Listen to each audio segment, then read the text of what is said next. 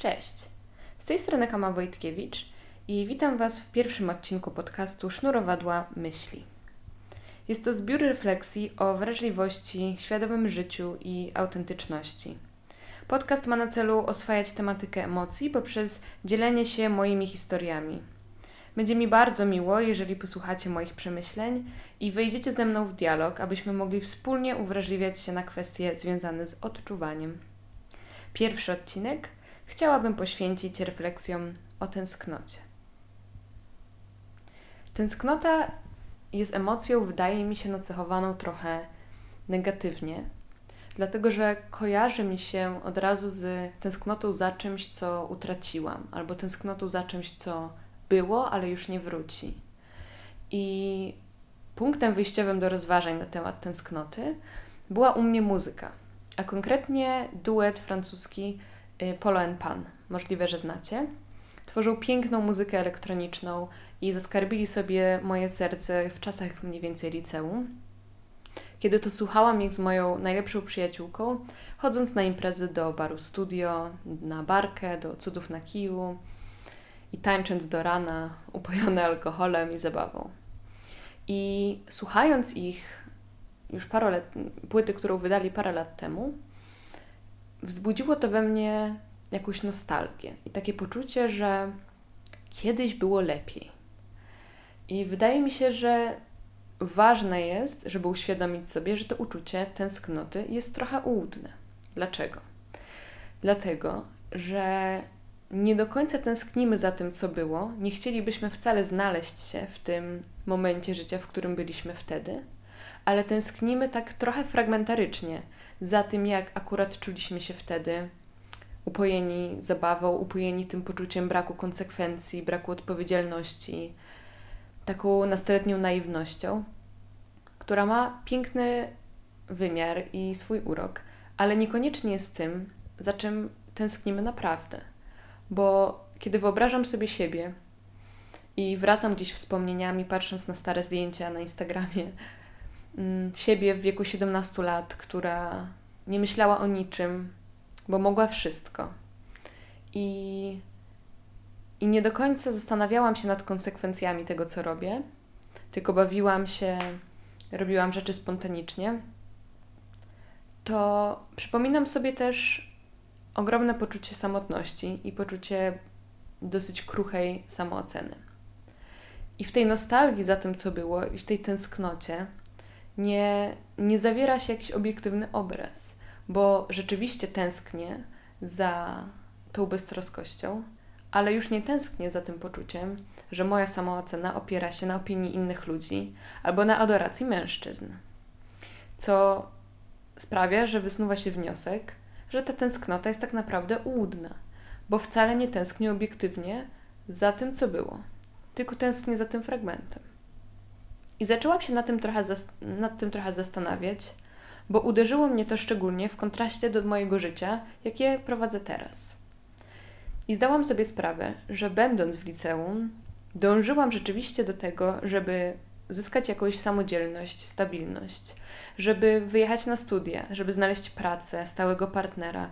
To gdzieś były moje założenia i do tego dążyłam. A teraz, w momencie, w którym jestem w stałym związku i mam pracę, skończyłam studia, moja głowa podpowiada mi, że kiedyś było lepiej, bo kiedyś nie musiałam się niczym martwić, bo kiedyś mogłam być wolna, niezależna i, i żyłam sobie tak bardziej spontanicznie. I wydaje mi się to być strasznie ciekawe w ogóle z punktu psycho psychologicznego, jak to działa, że nasza głowa nas do takiego stopnia sabotażuje, podpowiadając nam obrazy i myśli, które nie są do końca prawdziwe, a przynajmniej nie są prawdziwe w całości. I zaczęłam się zastanawiać nad wymiarem tych przemyśleń w kontekście chociażby moich relacji, a już szczególnie relacji z mężczyznami. Bo będąc w liceum, rzeczywiście no nie da się ukryć, że w liceum duża część z nas mm, nie jest jeszcze na etapie bycia w dojrzałym emocjonalnie związku, związku, który jest pełen wsparcia, jest partnerski, tylko albo wchodzimy w powierzchowne relacje, albo te relacje są tymczasowe, albo krótkie, albo mało wartościowe i wydaje mi się to być normalne, bo jesteśmy dopiero na początku naszej ścieżki odkrywania drugiego człowieka. Ale jak przypominam sobie, to uczucie bycia uzależnioną od atencji innych, innych facetów, to, że moje poczucie atrakcyjności opierało się na tym, ile uwagi od nich dostałam, i ta uwaga bardzo często była ulotna, bo to nie była uwaga od mężczyzn, którzy towarzyszyli mi na co dzień w życiu, tylko od tych mężczyzn bardziej przejściowych. Nie chcę powiedzieć przypadkowych, ale przejściowych. I zdałam sobie sprawę w tym momencie, że przecież ja wcale za tym nie tęsknię. Że ja jestem bardzo zadowolona z tego, że mogę być wreszcie w stałej relacji, która oparta jest na jakimś mocnym fundamencie przyjaźni i wsparcia i partnerstwa. I że ja wcale nie tęsknię za tą przypadkowością. Ale znowu, z drugiej strony, w tym poczuciu kontroli i rutyny, jaka towarzyszy mi na co dzień, zabrakło gdzieś tej spontaniczności i wolności. I stąd wzięła się moja tęsknota za tym, co było.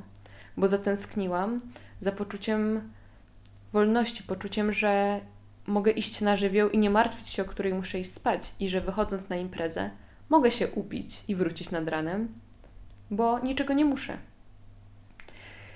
I w tych rozważaniach zdałam sobie sprawę, że są dwa wyjścia. Mogę wziąć tę nostalgię na siebie i utopić się w tej tęsknocie, myśląc, że rzeczywiście utraciłam jakąś młodość czy wolność, co brzmi rzeczywiście bardzo pompatycznie, ale mogę też wykorzystać to jako lekcję i pochylić się nad tym, żeby zastanowić się, co mogę z tego wynieść.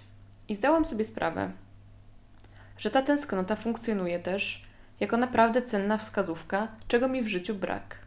I nie muszę sprowadzać się z powrotem do czasów nastoletnich, nie muszę znowu spędzać każdego weekendu na imprezowaniu, zapominaniu i byciu nierozważną i naiwną, bo moje życie już tak nie wygląda i nie chcę, żeby tak wyglądało.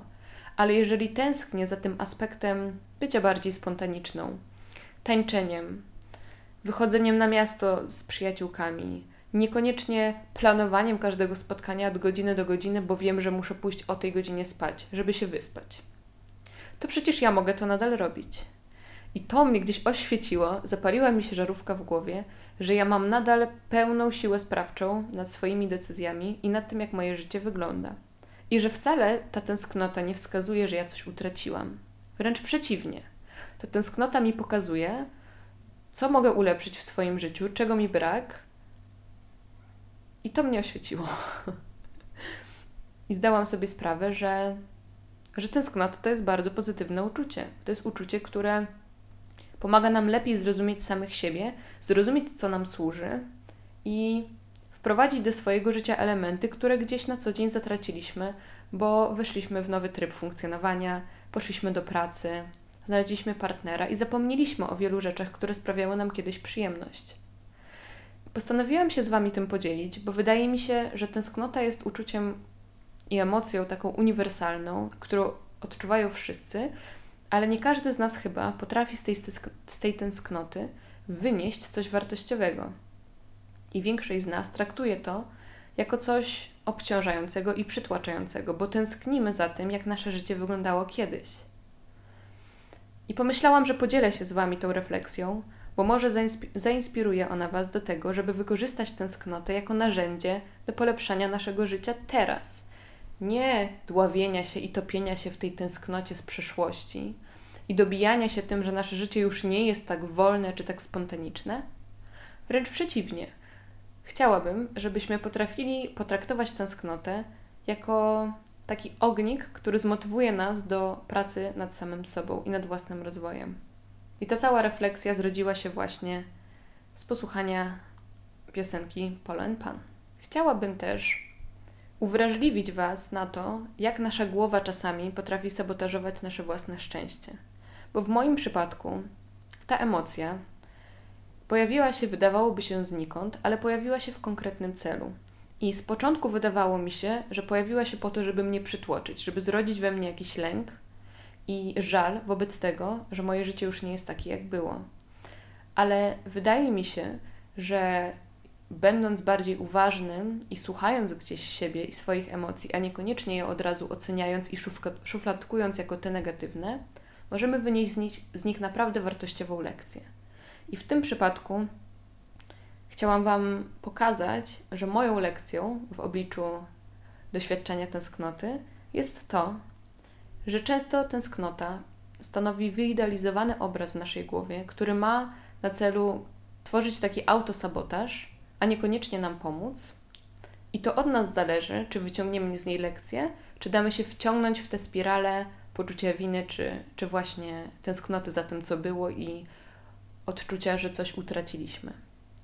I wydaje mi się, że to może być cenna lekcja dla wielu z Was, którzy zakładam, że też odczuwacie często nostalgię albo tęsknotę za tym, co było. Bardzo dziękuję Wam za wysłuchanie pierwszego odcinka podcastu. Jest mi naprawdę niezmiernie miło, że poświęciliście swój czas, by posłuchać moich refleksji na temat tęsknoty. Jestem już na Instagramie pod nikiem sznurowadła.myśli bez polskich znaków i chciałabym zachęcić Was do pisania wiadomości, do komentowania. Możecie się dzielić ze mną swoimi wspomnieniami, historiami na temat tęsknoty, ale nie tylko. I chętnie przyjmę Wasze sugestie na temat kolejnych odcinków i emocji, o których chcielibyście, żebym porozmawiała, naświetliła, nakreśliła ich problematykę i wyciągnęła z nich może jakąś lekcję.